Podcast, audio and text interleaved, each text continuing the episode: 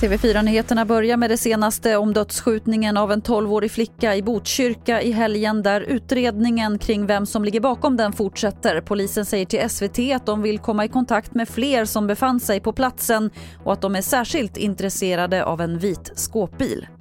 Så till Tavelsjö utanför Umeå där tre barn mellan 6 och 11 år fick föras till sjukhus efter en olycka med en fyrhjuling igår kväll. Av okänd anledning ska fyrhjulingen ha kört ner i ett dike och vält. Ett av barnen ska vara allvarligt skadat.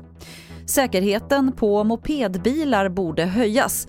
Det säger NTF efter att en person under 18 år dog efter att en polisbil och en mopedbil krockade natten till söndag.